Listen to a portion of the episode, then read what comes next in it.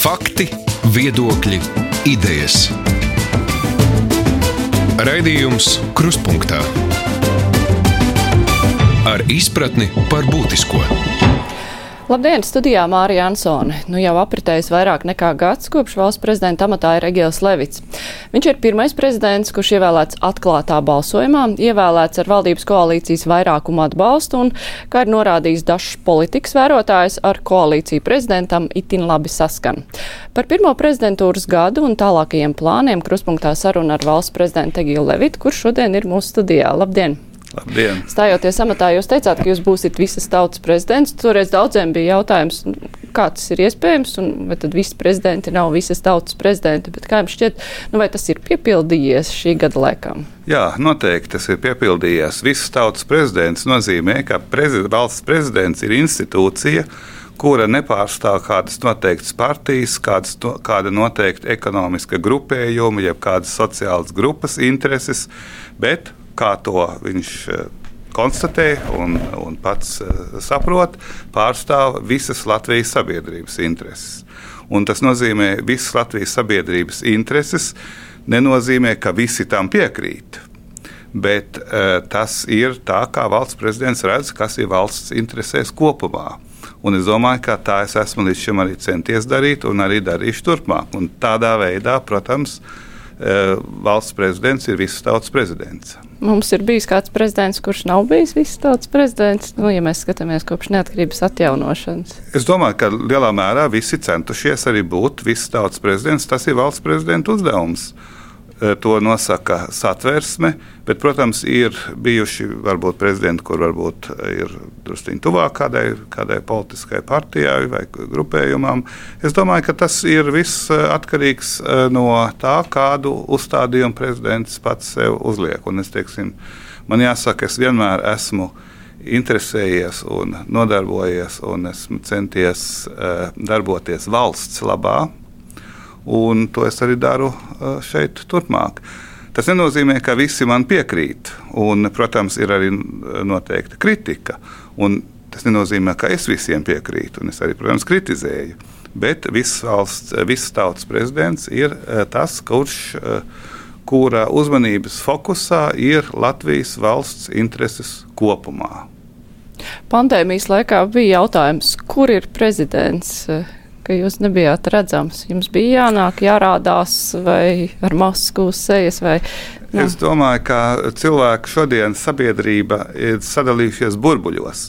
Un iespējams, ka tie cilvēki nebija tajā burbulī, kur es biju ļoti uh, daudz parādījos, un dažreiz pat saka, ka pa daudz parādās prezidents. Mēs dzīvojam dažādos burbuļos, un tas ir uh, varbūt viena vispār arī demokrātijas un sabiedrības problēma, ka mums ir nu, diezgan vāja ir, bet tas nav tikai Latvijas, tas ir visas demokrātisko valstu problēmas. Ir diezgan vāja sabiedrība kopumā, sevišķi ar teiksim, tādu klasisko mēdīju norietu. Eh, klasiskie mēdīji vairs neaizsniedz eh, sabiedrības lielāko daļu. Sociālie mēdīji sadalās burbuļos, kā mēs to tagad saucam, un ir ārkārtīgi daudz dažādu burbuļu, lieli un mazi. Uh, Un eh, tas ir varbūt demokrātijas kopējas problēma. problēma jā. Bet katrā ziņā eh, pandēmijas laikā es biju arī aktīvs, bet krīzes menedžeris Latvijas parlamentārā sistēmā ir valdība. Nevis prezidents. Prezidents šajā gadījumā, un es patiešām arī aktīvi atbalstīju jēdzīgos pasākumus, ko valdība ir pieņēma, ko valdība lika priekšā. Es domāju, ka tas bija tieši tādēļ, ka es uzskatu, ka tas ir visas tautas interesēs, kā visas tautas prezidents. Es atbalstīju, bet menedžmentu, menedžments ir eh, patiešām valdības rokās. Opozīcija pārmet, ka jūs esat koalīcijas prezidents, ka jums, nu, koalīcija par jums nobalsoja, jūs izvirzījāt partiju finansēšanas šo te likuma projektu, koalīcija pēc tam par to atkal nobalsoja, un turklāt vēl bija jautājums, nu, kāpēc partijas faktiski balso par sevi, nu, ka tas nav īsti ētiski, ka partijas pašas sev lemj par partiju finansēšanu sev divi dažādi jautājumi - koalīcijas prezidents un partijas, eh, partiju finansējums. Eh, jautājums eh, par, par attiecībām ar koalīciju. Valdība, koalīcija ir tā, kas veido politiku. Un valsts prezidentam ir jārēģē uz to, ko koalīcija veido. Ja būtu cita koalīcija, es tādā pašā veidā, protams, vērtētu un skatītos, kā šī koalīcija darbotos. Tieši tā kā viss tautas prezidents, es uzskatu, ka man ir jēga atbalstīt tos, to, tās reformas, tos priekšlikumus, kas ir jēdzīgas. Un ne jau, kā sakot, par visu politiku, kas izsaka savu viedokli par atsevišķiem jautājumiem. Un ir viedokļi, kur man saskan ar koalīciju, un ir viedokļi, kur man nesaskan ar koalīciju. Tieši tādēļ, ka prezidents ir neatkarīga institūcija. Bet koalīcija ir aktīvā daļa, un, un protams, opozīcija kritizē koalīciju. Bet es domāju, ka valsts prezidents neatkarīgi vērtē koalīcijas darbu. Bet kā ar partiju finansēšanu? Vai tas bija ētiski lemt par savu sasaukumu? E, e, teiksim tā, jautājums ir, ir daudzkārt neētiskāk, ja atsevišķi bagātnieki finansē partijas. Un tādā veidā atsevišķi bagātnieku intereses nonāk saimā, nonāk valdībā. Tas ir daudz, daudz simtreiz neētiskāk. Tādēļ es domāju, ka tas ir pareizi, jo mēs bijām, es teiktu, acīm redzot, beidzamā Eiropas valsts, kura nebija nokārtojusi šo jautājumu 30 gadus jau. Un tas bija tieši tādēļ, ka neviens, kā sakot, neuzdrošinājās atraisīties no šīs nabasaites ar saviem sponsoriem.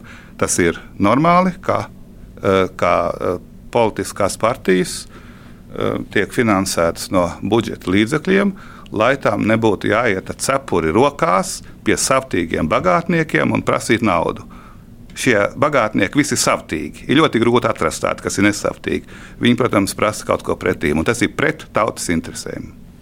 Kam šķiet, vai piecu partiju koalīcija labi tiek galā? Sākumā bija šaubas, cik ilgi tas varēs vispār izturēt šāds veidojums. Jā, es domāju, teiksim tā, es pats biju ļoti skeptisks, ka šī koalīcija izveidojās. Es domāju, ka starplaikā eh, šī koalīcija ir tomēr kaut kādā veidā sadarbojusies tā, ka rezultāts ir, nu, nu nav gluži zemē metams. Eh, iespējams, ka tas ir tādēļ, ka ir eh, grūti atrast alternatīvu šai koalīcijai. Es domāju, ka neviens no partneriem īsti negribētu vienu alternatīvu kādu citu partneri no opozīcijas. Eh, respektīvi tādai, tādam vairākumam, tādai, tādam sastāvam šeit nebūtu vairākuma. Tā kā varētu teikt, zināmā veidā, ka eh, tā ir vienīgā iespējamība, izņemot tad, ja pašas partijas vienotos par citu. Es pat labi neredzu tādu iespēju. Ja tāda iespēja būs, tad arī būs cita koalīcija, bet es domāju, ka vairāk vai mazāk šī koalīcija arī darbojās. To pierādīja arī Eh, teiksim, tas, cik labi šī, part, eh, šī koalīcija darbojās pandēmijas laikā. Mēs esam labākie Eiropā, to mēs varam droši teikt. Eh, un, un arī ministra prezidenta moderāt, moderatora loma ir sakot, ļoti vērtīga, lai šo koalīciju saturētu kopā. Protams, kas ir varbūt arī man ne īpaši patīk, ir šie iekšējie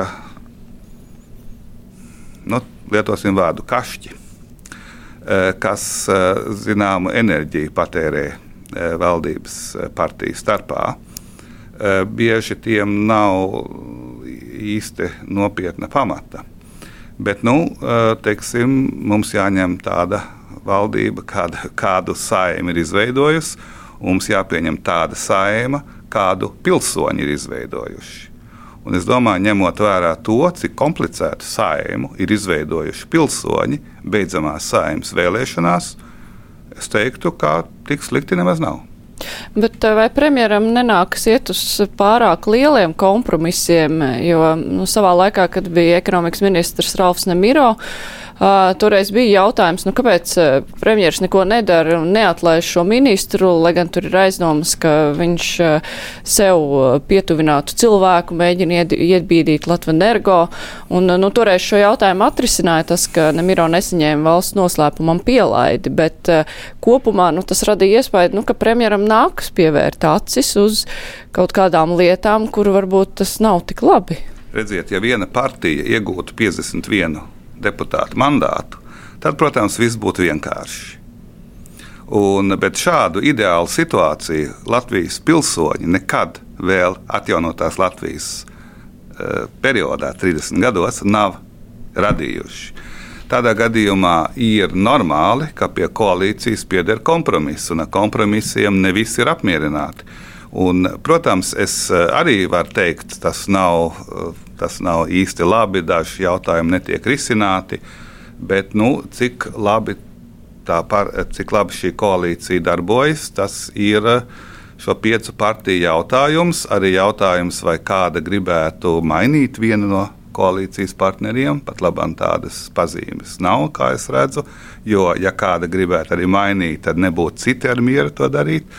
Es teiktu, tā, tā ir situācija, kā Eh, šī saima ir izveidota tāda, kādu pilsoņi ir izveidojuši, un eh, koalīcija no tās eh, tā ir ieslēgta šajā telpā, šajā istabā, un ārā netiek, un kaut kādā veidā ir jāsadzīvo. Tā kā neviens no koalīcijas partneriem nevar uzspiest savu gribu citiem.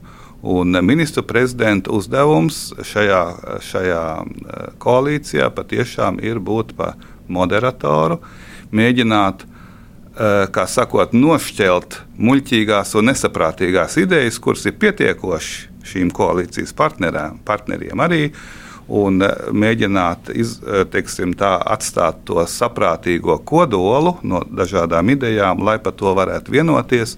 Un es domāju, ka tur ir pietiekoši daudz cilvēku, kuri arī skatās pāri savas partijas interesēm. Eh, valdība nonāk diezgan sarežģītā situācijā saistībā ar satvērsmes tiesas spriedumiem, kas skar garantēto minimālo ienākumu un arī par eh, šo līmeni, kad cilvēks var iegūt trūcīgas personas statusu. Uh, Satversmes tiesas pārstāvi jau skaidri pateica, ka tur nepietiks tīri ar mehānisku šo te summu palielināšanu, lai gan izskatās, ka valdība tieši to arī taisās darīt. Kā jums šķiet, vai valdība pēc būtības izprot to vēstījumu, ko satversmes tiesa tai mēģina pateikt? Es domāju, vēstījums ir ļoti skaidrs. Vēstījums ir runa par to, ka summai, gala summai ir jābūt uh, sakarīgi izveidotiem ar dažādiem kritērijiem, un kas beigu beigās, tad visus tos kritērijus saliek kopā, tad nonāk pie kaut kādas gala summas. Un nevis gala summa, kā sakot, no gaisa grābsta, grābta gala summa. Uh, tieši to satversme, satversmes tiesa saka, ka tas nav pareizi. Tas arī nav šīs valdības laikā šāda, šāda sistēma izveidojusies. Tas ir visu iepriekšējā valdības uh, laikā. Šai valdībai tas ir jālabo. Nu, viņai jāizstrēp tā putra, un viņai tas ir jālabo. Es ceru, ka viņi to saprot. Man jāsaka, man pēc šī satversmes tiesas sprieduma, kuras rūpīgi izlasīju un kuram es simtprocentīgi piekrītu, gan uh, kā prezidents, gan kā jurists, Eh, es domāju, ka valdībai ir sakot, šā, šāda sistēma jāizveido, kura starp citu arī tiek regulāri pārskatīta. Tas arī svarīgi. Tā tad eh, es ceru, ka tas tā notiek. Man pat labāk nav tuvākas informācijas, ko valdība un kāds būs šis gala lēmums. Es saprotu, ir dažādas diskusijas, un ir arī teiksim, primitīvi priekšlikumi, vispār pieliksim to summu un būs nokārtots. Nē, tas nebūs nokārtots. Tātad es teiktu, ka ir jāizstrādā šī sistēma, kas sastāv no vairākiem elementiem, saprātīgiem elementiem. Un saskaitot visus šos elementus kopā, mēs nonāksim pie vienas summas. Tas ir satversmes tiesas dotais uzdevums valdībai. Šos, eh, šīs lietas eh, satversmes tiesā iesniedz tiesības sargs, un no tiesības sarga puses nāk arī um, li, iesniegumu saistībā ar mediķa algām, kas arī, protams, valdībai nav patīkams. Vienlaikus tagad ir parādījusies ziņa, ka ir paredzēts ierobežot tiesības sarga pilnvaru termiņu uz divām reizēm. Nu, iespēja tikt ievēlētam pēc tiesības sargu. Un jau publiskajā telpā parādās sašutumi pilni saucieni par to, ka beidzot viens tiesības sargs reāli strādā un valdība grib viņu nolikt pie vietas. Kā jūs redzat šo situāciju? Nu, tas ir pie, pie visiem amatiem ir šis jautājums, kad ir ne, vai un kad ir nepieciešama pārmaiņa. Arī valsts prezidentu var ievēlēt tikai divas reizes pēc kārtas. Ir daudz citu amatu, ģenerāla prokuroru var ievēlēt divas reizes pēc kārtas. Tur ir zināma loģika. Bet ir arī citi amati, kur nav paredzēts šāds ierobežojums, kaut vai deputātiem. Vai Tā kā eh, es teiktu, tur nav īpašas konsekvences, un eh, man jau šķiet, ja līdz šim tas tā darbojās, eh, vai tas ir īpaši nepieciešams tagad ierobežot to.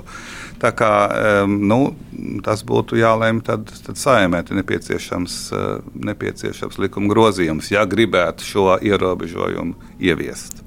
Bet jūs pats, ja jūs būtu deputāts, kuram jālēm, jūs neatbalstītu?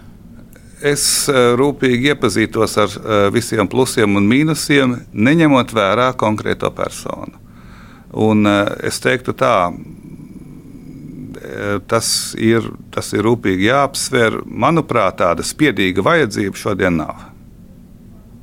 Ierobežot termiņu skaitu. Jā. Jā, es atgādināšu Latvijas radio klausītājiem un arī Latvijas televīzijas skatītājiem, ka šodien kruspunktā studijā ir valsts prezidents Egils Levits. Raidījums Krustpunktā. Jā, viena no lielajām šīs saimas lietām ir administratīva teritoriālā reforma. Tās skatīšana iekrita ļoti sarežģītā laikā, bija pandēmija, notika deputāta darbs attālināti, pašvaldības arī bija sašutušas par to, ka diezgan steidzīgi tieši šajā sarežģītajā brīdī šī reforma tiek skatīta. Uh, turpat 50 pašvaldības lūdza jūs neizsludināt šo likumu. Un, nu, tā ir gandrīz puse no tām, kas vispār ir. Tas nozīmē, ka, nu, ka ir diezgan liels pašvaldību skaits, kurš, kas uzskatīja, ka reforma šādā veidā nav veicama. Jūs tomēr izlēmāt likumu izsludināt. Kāpēc šo pašvaldību viedoklis nebija pietiekoši svarīgs? Valsts prezidentam nav veto tiesības. Tas ir jāzina. Valsts prezidents ar savu atpakaļ sūtīšanu saimai var vēlreiz to nosūtīt atpakaļ, tad saima lemj vēlreiz. Bet, ja saimas vairākums ir tas pats un tam ir cieši nodoms šo e, otrreizējā balsojumā to pašu e, likumu apstiprināt, tādā gadījumā tas arī stāsies spēkā.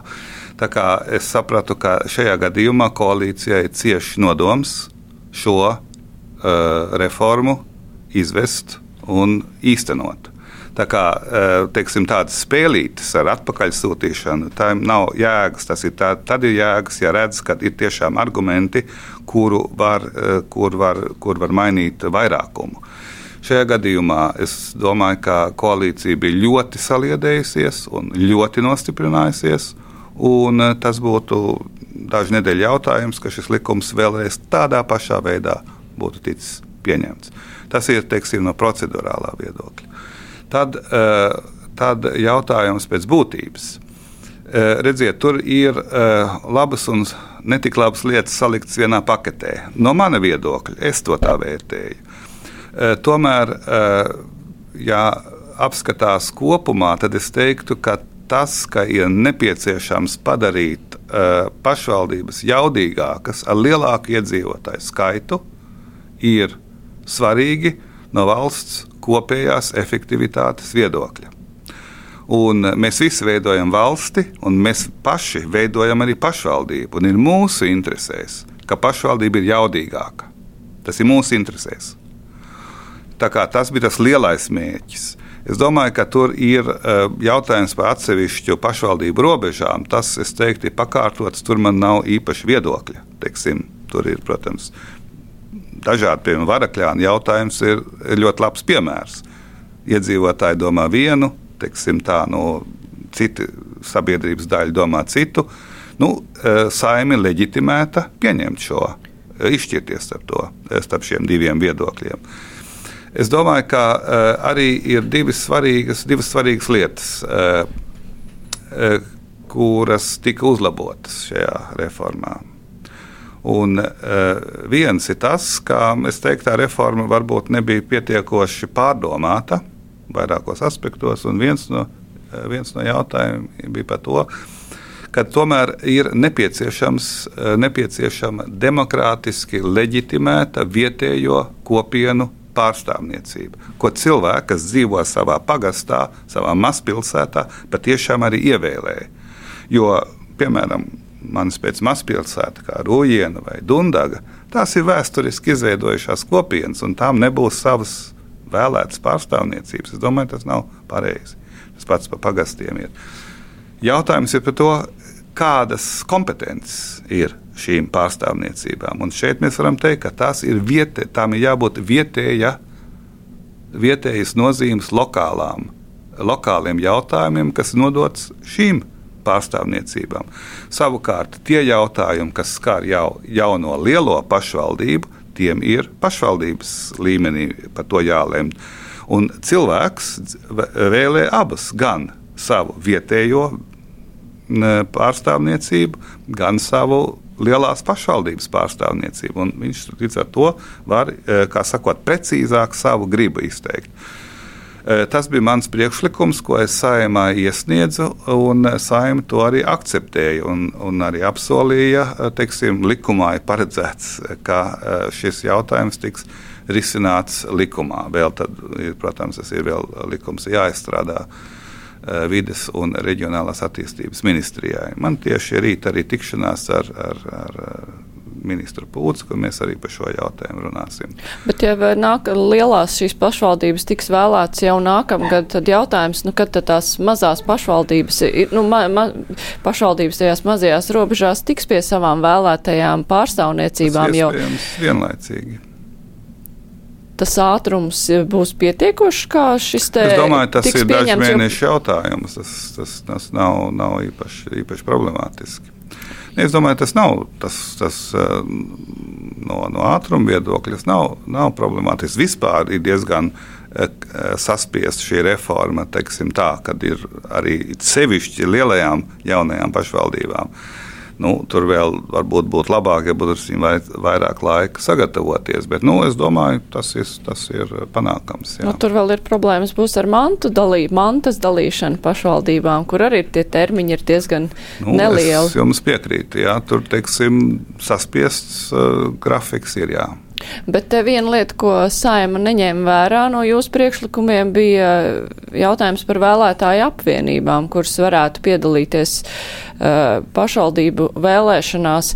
Nu, tas jau vēl mazāk samazina šo vēlētāju pārstāvniecību, jo nu, lielajām partijām jau tā ir labākas iespējas eh, piedalīties, nu tām ir vismaz finansējums garantēts no valsts, un savukārt eh, uz vietas šīs vēlētāja apvienības tad vairs nebūs atļauts, tā konkurence vēl mazākas, paliek vēl mazāka, vai tur, tas nav drauds? Es tur jums piekrītu, un šeit man arī bija priekšlikums arī Eh, pieļaut vēlētāju apvienības, kas ir labāk konsolidētas kā līdz šim, lai nevarētu apiet dažādas eh, aģitācijas vai finansēšanas noteikumus, bet eh, tās vajadzētu pieļaut.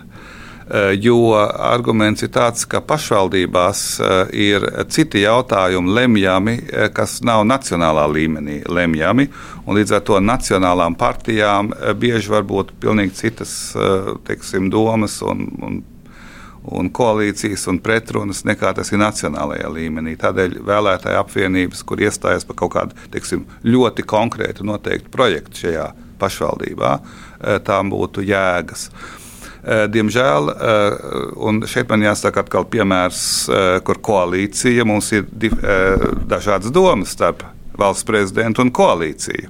Tātad šeit valsts prezidents, tad es domāju tā, koalīcija domā citādāk. Tā kā ir neiedzīgs apgalvojums par koalīcijas prezidentu. Šajā gadījumā, protams, saima kas es jau varu sniegt tikai priekšlikumu. Šis priekšlikums bija un šis priekšlikums tika noraidīts. Es joprojām uzskatu, ka mans priekšlikums ir pareizāks kaut kad iespējams, kad varbūt arī saimnieks mainīs savas domas.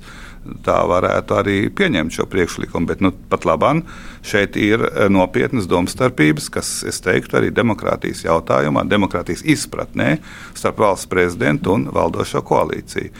Eh, bet, eh, kā saka, tas ir viens jautājums. Nu, ja ir attiecīgs spiediens arī no sabiedrības, iespējams, ka koalīcija tur ieklausās. Nu, koalīcija neieklausījās daudzo pašvaldību viedoklī, kuras savukārt teica, ka nevajag tik strauji šo likuma projektu grūst cauri saimai. Kā jūs vērtējat vispār šo stilu? Nu, tā diezgan autoritatīvi, bet bīdīt cauri, izmantojot to, nu, ka ir pandēmija, ka ir ierobežots iespējas pat cilvēkiem paust uh, demokrātiskā veidā piketos un mītiņos savu viedokli un to visu vienkārši stumt cauri. Nu, tā neieklausoties, cik tālu to vispār var atļauties, jo agri vai vēlu. Nu, tas, tā, tas bumerāns pavērsīsies droši vien atpakaļ, jo cilvēki būs neapmierināti ar tādu stilu. Nu, cilvēki, protams, ja tas tā ir, tad cilvēks savu neapmierinātību izteiks arī nākamajās pašvaldības vēlēšanās, kas nav aiz, aiz, aiz kalniem. Bet attiecībā uz stilu es varu teikt, ka ir, ir divi ekstrēmi. Ir bezgalīgas diskusijas, un ir lēmums, kur argumentiem nav iespējams, kur nav iespējams izvirzīt argumentus. Teiksim, tādas piemēram, ļoti īss laiks. Šajā gadījumā bija diezgan daudz laika izvirzīt argumentus. Un šie argumenti tika apsvērti saimā. Saima diskutēja patiešām ļoti, ļoti plaši arī šajos specifiskajos apstākļos. Un, vai nu pieņēma šos argumentus, vai noraidīja šos argumentus. Gala rezultāts ir tāds, kā saima to ir apstiprinājusi. Pagarinot šo laiku, Nav tā, ka kaut kur ir paslēpies kaut kāds arguments, ko neviens vēl nav ievērojis, neviens vēl nav pacēlis šo argumentu. Teiksim tā, ņemsim vēl vienu mēnesi, un mēs atradīsim jaunus argumentus. Nē, šajā gadījumā tas tā nebija. Tas ir jautājums par to, ka ir visi argumenti ir apsvērti, arī tiem. Tie argumenti, kuri, piemēram, mans arguments par vēlētāju apvienībām, tas tika apsvērts un noraidīts. Nu, man nav jauns arguments. Es tev pašu varu vēlreiz pateikt, arī mēnesi vēlāk. Tas attiecās uz citiem argumentiem arī. Tā kā šie argumenti bija, eh, bija eh, sakot, uz galda, tie tika samērā ātri, es jums tiešām arī piekrītu, samērā ātri viens pēc otra apsvērti un vai nu pieņemti vai noraidīti ar uh, gala rezultātu. Tā kā, tā kā es teiktu, nu, šis process. Šis process eh, bija tāds, eh, kā argumenti bija uz galda, un arī tas gala rezultāts.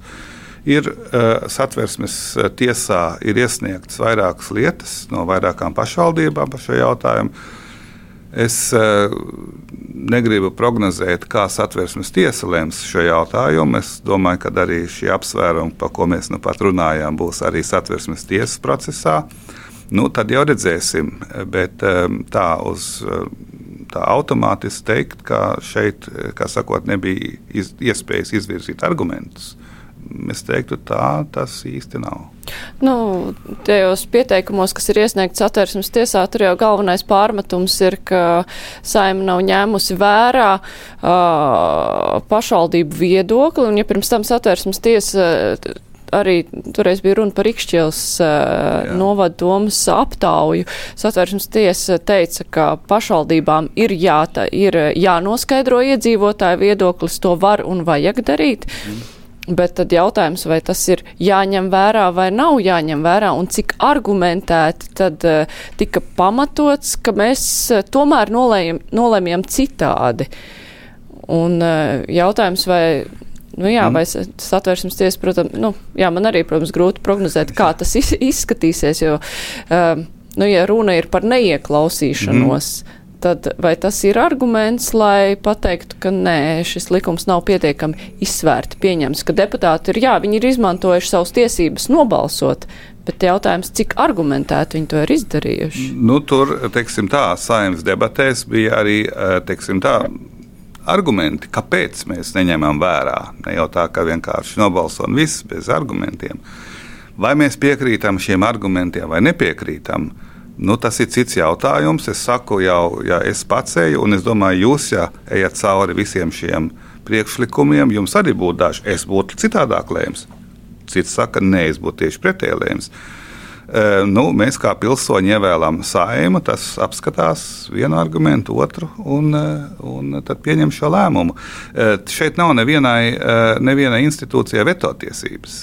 Tas ir saimnes, saimnes lēmums, un saimai par to arī jāatbild. Ir saimai un konkrēti valdošai koalīcijai. Ja izrādās, ka šī reforma teiksim, nestrādā vai nu, kaut kāda cita iemesla dēļ negūst cilvēku atbalstu, tādā gadījumā tas vispirms jau atsauksies uz šīm partijām nākamās pašvaldību vēlēšanās. Un, protams, arī saimnes vēlēšanās. Tas ir demokrātiskais process.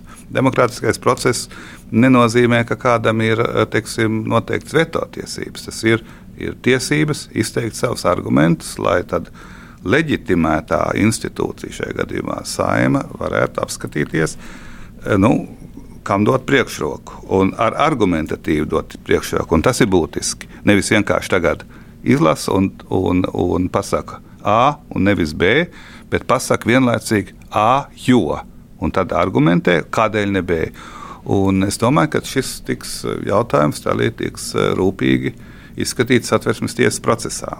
Nu jā, argumenti var, var būt dažādi, bet eh, jūs esat ierosinājis um, arī šo ideju par valsts padomus veidošanu, kur mm -hmm. kā, tas būtu satversmes tiesa tikai nu, pirms uh, šiem lēmumu pieņemšanas. Nu, bet jau arī var nonākt līdz situācijai, nu, ka saima pasaka, jā, mēs uzklausījām jūsu viedokli. Bet tāpēc, kā, un tad pasaka kaut kādu mhm. iemeslu, mm. bet arī šie, šo argumentu kvalitāte var būt ļoti dažāda. Vienkārši noraida. Mm -hmm. Un viss. Un tad Jā. kāda jēga no tādas valsts padomas? Uh, uh, jēga ir sakojoša, ka valsts padome uh, izvirza kvalitatīvus argumentus, kas ir teiksim, gan juridiski argumenti, gan valsts ilgspējas argumenti. Jo mēs zinām, ka politiskās partijas tas, kas sakot, ir diezgan automātiski darbojas vai domā vairāk vai mazāk četru gadu periodā, līdz nākamajām vēlēšanām. Taču mūsu valsts tā ir jāpastāv daudz, daudz ilgākā līdz nākamajām vēlēšanām. Un tādēļ šeit ir nepieciešams šajā, pieņemsim, šeit ir šis galds, un katrs liek savus argumentus.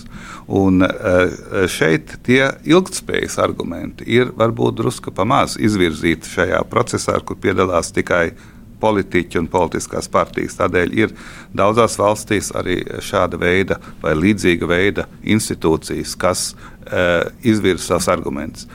Bet uh, uzmanība! Šī institūcija, valsts padome, teiksim, tā uh, nepieņem gala lēmumu, jo tā nav leģitimēta. Leģitimēta ir tikai saima, parlaments, kuru ievēl pilsoņi. Un beigu beigās atbildība par valsts ilgspēju un par jēdzīgu lēmumu saimā gulstās uz pilsoņiem uh, vēlēšanās, un arī starplaikā, kā pilsoņi iesaistās politiskā procesā. Bet, protams, šāda veida uh, teiksim, institūcija, kas izvirza kvalitatīvus, ilgspējas argumentus, lai tie tiek apspriesti, un jo augstāka politiskā kultūra, jo plašāk šie argumenti tiek apspriesti, tas uzlabo beig beigās eh, likumdošanas kvalitāti kopumā. Un es teiktu, ka šeit mums ir daudz, daudz kur augt. Nu, tajā pašā laikā saimnes vēlēšana un arī pašvaldību vēlēšana rezultāts ietekmē ne jau tikai partiju tur padarītie darbi, jo cilvēku atmiņa bieži vien mēdz būt diezgan īsa.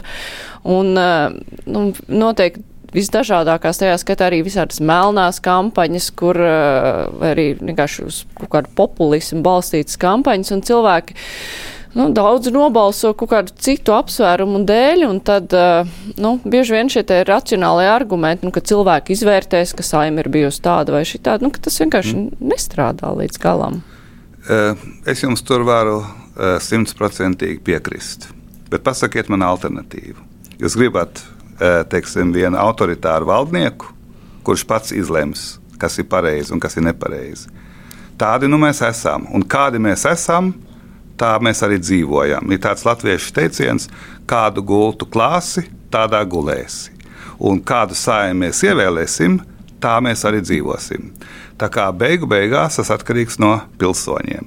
Protams, ir dažādi papildus instrumenti, lai uzlabotu šo kvalitāti, un valsts padome būtu viens no šādiem un ļoti svarīgs instruments, lai uzlabotu šo kvalitāti. Jo pilsonis jau arī nedomā, kā sakot, visu laiku par Eh, simt un vienu dažādiem jautājumiem. Bet šeit, ja ir konkrēts jautājums, valsts padome dod izsvērtu viedokli.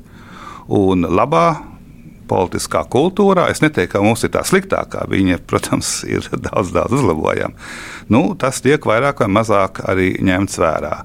Bet beigu beigās, eh, teiksim tā, populisms ir tas, kurš apdraud mūsu demokrātijas kvalitāti. Es jums pilnīgi piekrītu. Un tādēļ ir valstī arī šāda veida. Uh, ir zināms politiskā teiksim, virziens jātīsta, kā varbūt palielināt teiksim, kritisko domāšanu sabiedrībā, kas mums ir. Kritiskā domāšana ir kritiski zema mūsu sabiedrībā. To mēs redzam dažādās, dažādās jomās. Tādēļ nu, es teiktu, valdība varbūt nepietiekoši pievērš uzmanību šim jautājumam. Tas ir atkal mana kritika valdības politikai, eh, lai to, to veicinātu. Kā, un, un šī problēma ir ne tikai Latvijas, bet visu demokrātisko valstu problēma. Eh, hibrīda karš, eh, teiksim, samērā vieglā vai teiksim, ļoti, ļoti vieglā cilvēku manipulējamība sociālajos tīklos. Tie visi ir jautājumi, par ko ir jārunā runājot par šiem jautājumiem un apzinoties, arī uh, tiek celta cilvēku apziņa par to, kā šeit ir ļoti viegli paslīdēt un nonākt un kļūt manipulētam. Un teiksim, šo noturību veicināt sabiedrībā, katrā individā, lai tas nu, nenotiktu vismaz tik bieži. Tādēļ es teiktu, ka šis ir jūsu minētais jautājums ir viens no galvenajiem, un varētu pat teikt, galvenais demokrātijas izaicinājums eh, pat labāk mūsu gadsimtā, vismaz mūsu gadsimta 20. gados. Un kā mēs to atrisināsim, no tā būs atkarīga arī tā, kā mēs dzīvosim pēc, pēc desmit gadiem. Ja cilvēki pavilksies uz dažādām populistiskām kampaņām, tad, protams, šodien ir 2020. gads, tad 2030. gadā mēs dzīvosim sliktāk kā šodien.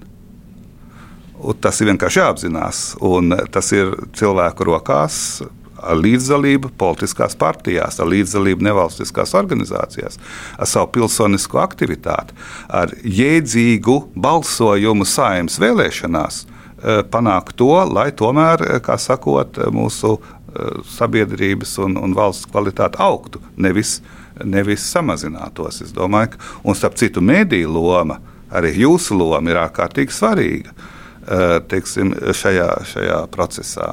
Bet mediju stiprināšana arī bija viena no jūsu prioritātēm, ko jūs minējāt, stājoties amatā, bet nu, šī gada laikā nu, nekas, diemžēl, tāds kvalitatīvi labs ar mēdījiem nav noticis. Ir pat tur notikusi kaut kāda saplūšana, kas vēl vairāk vājina mēdīju tirgu Latvijā. Jā, es teiksim tā, ir, ir, ir dažas lietas, kas ir labas, un dažas lietas, kas ir sliktas šajā gadā. Es eh, teiksim tā.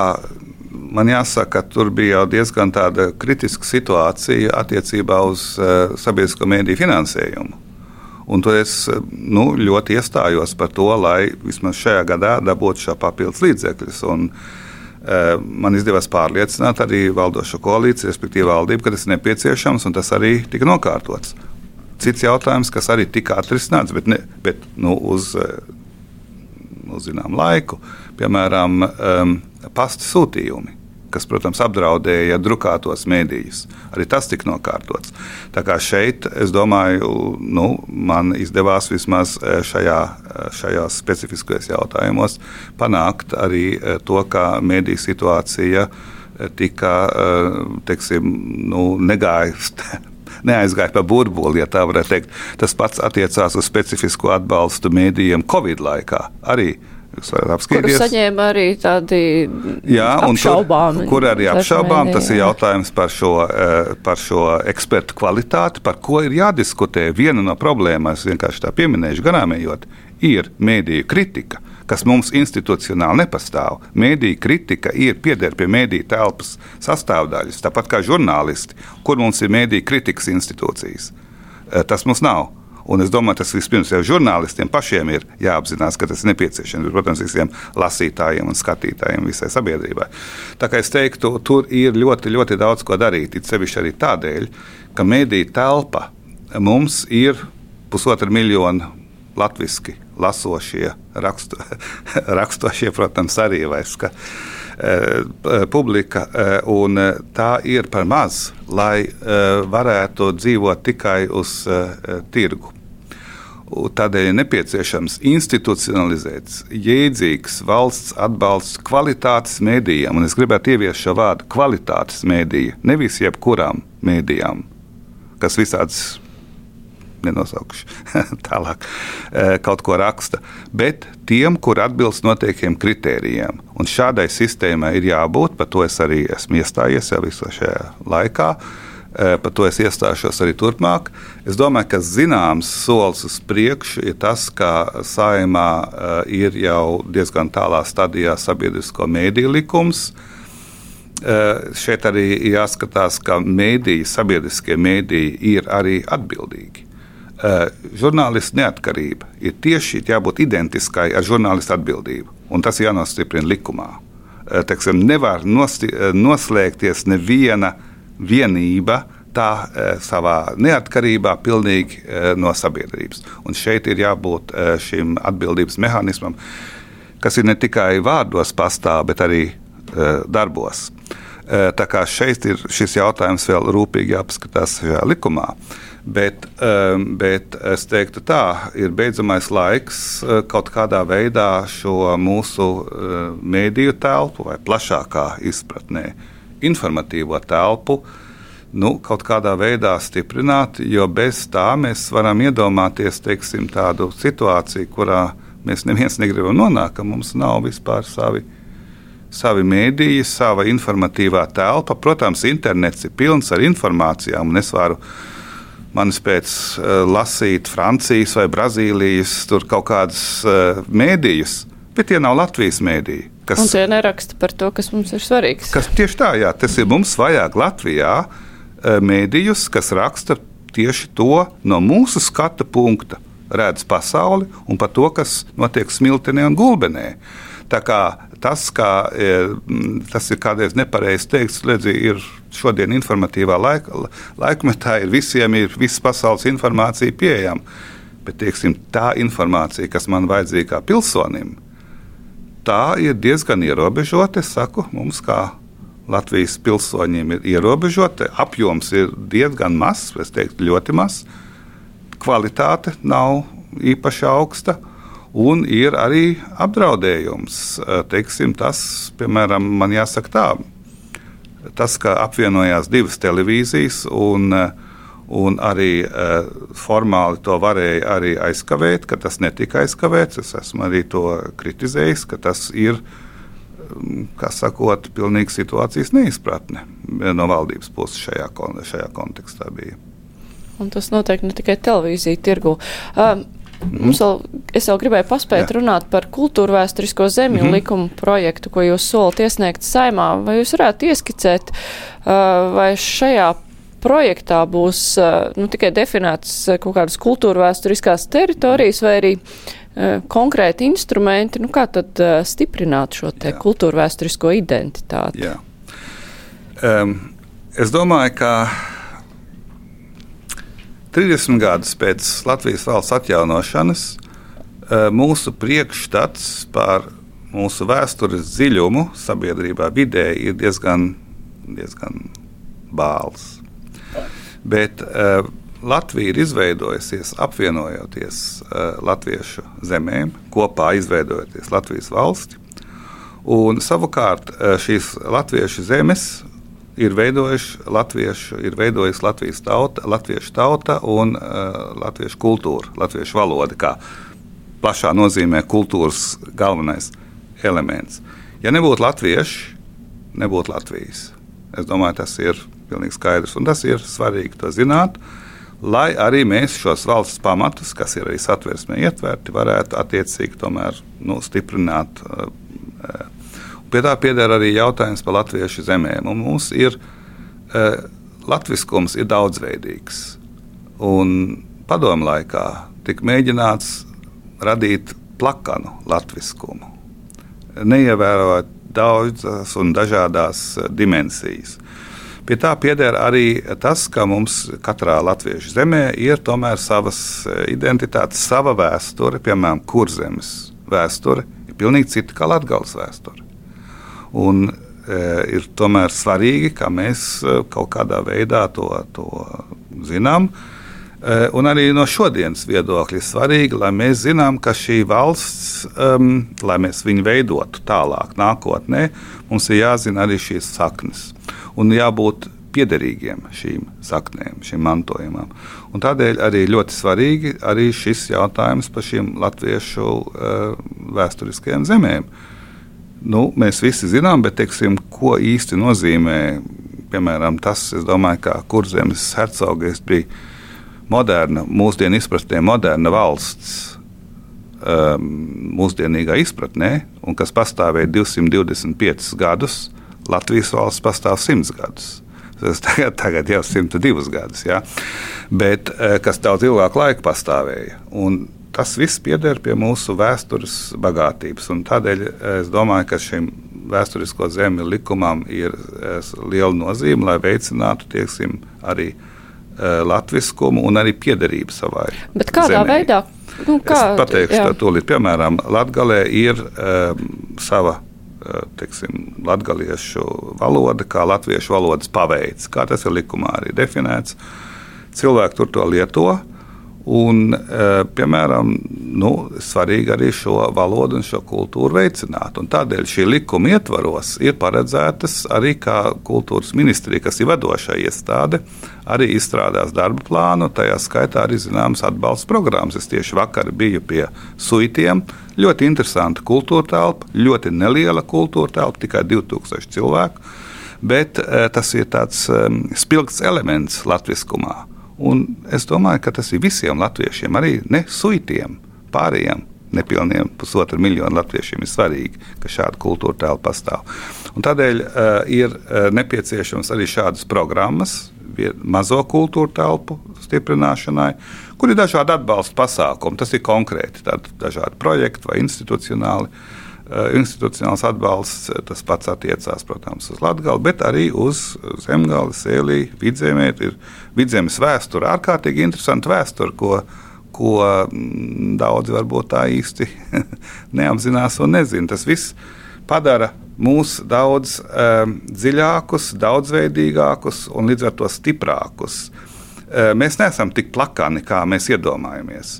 Mēs esam tikpat, uh, kā sakot, tikpat daudzdimensionāli kā vācieši, vai franči, vai itāļi, kur tu vari, kā sakot, uzreiz atrast ārkārtīgi daudz dažādas, e, dažādas elementus un dažādas notikumus. E, un es domāju, ka mums ir tomēr e, svarīgi arī šis, šis likums. Tas, protams, neatrisinās visus jautājumus, bet tas tomēr iedzīs atkal vienu zināmu, es varu teikt tā, iedzīs vienu jaunu mietiņu Latvijas valsts pamatos, lai tos nostiprinātu, lai tie būtu stabilāki.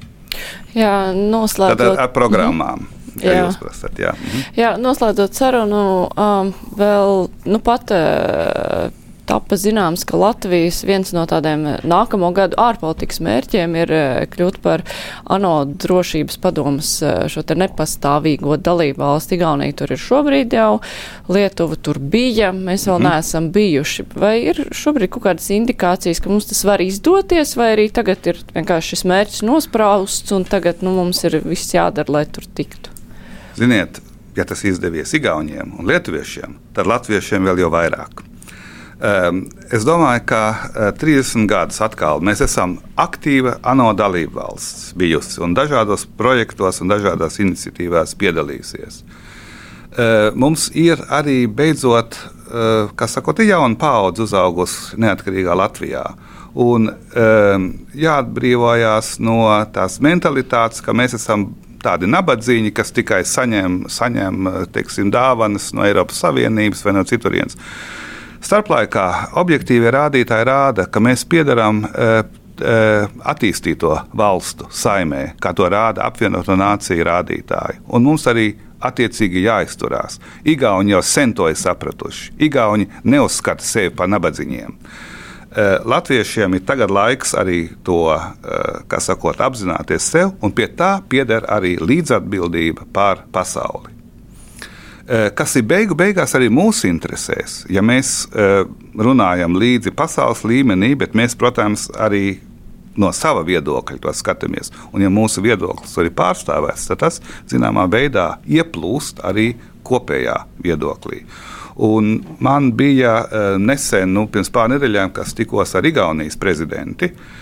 Eh, tad, eh, un arī šodien runāju par telefonu ar Igaunijas prezidentu. Viņiem tur ir ārkārtīgi daudz ko darīt, un ir ļoti lielas iespējas tieši kā mazai valstī, kā valstī, kurai nav eh, teiksim, imperiālas ambīcijas, ko, kam citi uzticās, panākt teiksim, labus rezultātus. Un tas, protams, veicina atpazīstamību, tas veicina prestižu, kas beigu beigās arī veicina mūsu ekonomiku.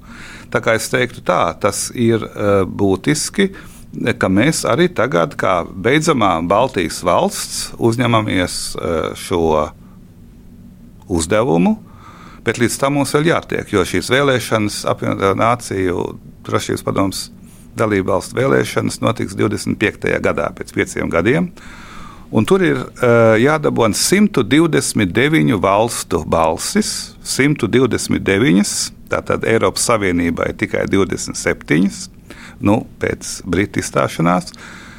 Uh, no 193, tātad divas trešdaļas. Un, lai to panāktu, uh, mums ir jāveido arī zināma kampaņa, atpazīstamības kampaņa, kas, protams, atkal kā blakus efekts un varbūt arī galvenais efekts, bet tas ir iemesls, eh, nāk par labu Latvijas eksporta spējai, Latvijas atpazīstamībai, Latvijas prestižam. Eh, šodien Latvijas atpazīstamība nu, pasaulē, ārpus varbūt Eiropas Savienības un arī Eiropas Savienībā, nu, tā tā ir ļoti maza. Ja tu varbūt jautā uz, uz ielas, teiksim, manis pēc Lagosā, kas ir Latvija, kur tā ir, es domāju, ka gandrīz neviens cilvēks nezinās, kas ir Latvija. Un šajā laikā mums ir jāpanāk, ka tomēr Nigērijas valdība, vai teiksim, es tagad vienkārši to kā piemēru saku, saprot, ka tas ir un ka jābalso. Un Igauni to ir panākuši, un Lietuvieši to ir panākuši. Es domāju, ka to mēs varam arī kā latvieši panākt. Jā, bet nu, katrā ziņā darba tur ir acīm redzot vēl ļoti Jā. daudz. Cerams, ka izdosies. Es saku jums paldies par sarunu. Jā. Šodien mūsu studijā bija valsts prezidents Egils Levits. Savukārt raidījuma producente bija Evi Junām un studijā bija Esmārija Ansona. Vislabāk!